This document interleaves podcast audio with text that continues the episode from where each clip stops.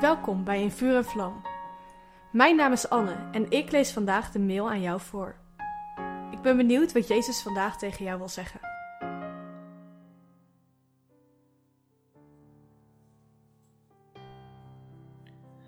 Als we willen weten hoe we op een liefdevolle en goede manier van God kunnen getuigen, moeten we natuurlijk kijken naar hoe Jezus dat deed.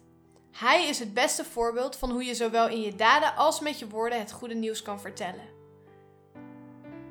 Een bekende uitspraak over evangeliseren is: verkondig het evangelie, desnoods met woorden. Op zich een goede uitspraak die ons wijst op het belang om in onze daden en acties Gods liefde te laten zien. Toch zien we dat bij Jezus woorden en daden altijd samengaan. Waar Jezus soms urenlang het evangelie predikte, was hij op andere momenten aan het eten met de tollenaars en prostituees en genas hij de zieken.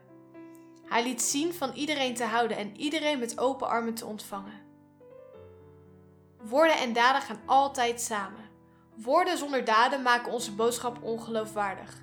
En daden zonder woorden zorgen ervoor dat mensen niet weten waarom we zo leven, wie onze bron is. Vaak willen we wachten totdat mensen naar ons toe komen om te vragen wat ons drijft. Maar voor de meeste mensen is de drempel om dat vragen te hoog. Jezus roept ons op om naar de volken te gaan. Het is niet gek dat je het spannend vindt om met woorden te getuigen aan je vrienden of collega's. Soms kan het veiliger voelen om vooral door wat je doet te laten zien dat je in God gelooft. En dat is al iets heel moois en iets heel erg belangrijks. In 1 Petrus 2 staat dat onze goede daden een grote invloed kunnen hebben op ongelovigen en hier mogen we elke dag in groeien. Toch zegt Jezus dat we de volken, onze omgeving, het goede nieuws ook mogen vertellen. Wanneer we hier angst over voelen, belooft Jezus twee dingen. We hoeven ons geen zorgen te maken, omdat de Heilige Geest 1. ons op het moment de woorden ingeeft, zie Marcus 13 vers 11, en 2. ons herinnert aan alles wat Jezus heeft gezegd, zie Johannes 14 vers 26.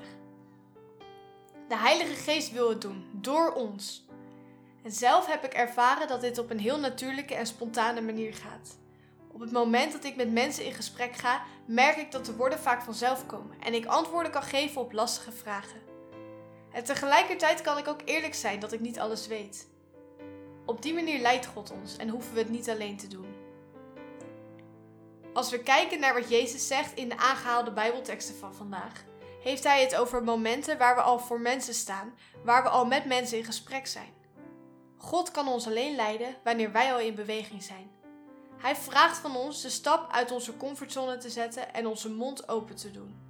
Dan zal Hij er zijn met zijn woorden en zijn leiding.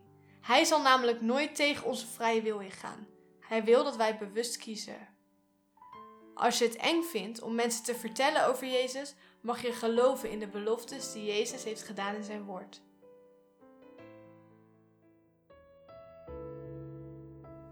Wat leuk dat je hebt geluisterd naar In Vuur en Vlam. Heeft de tekst je geholpen om God beter te leren kennen?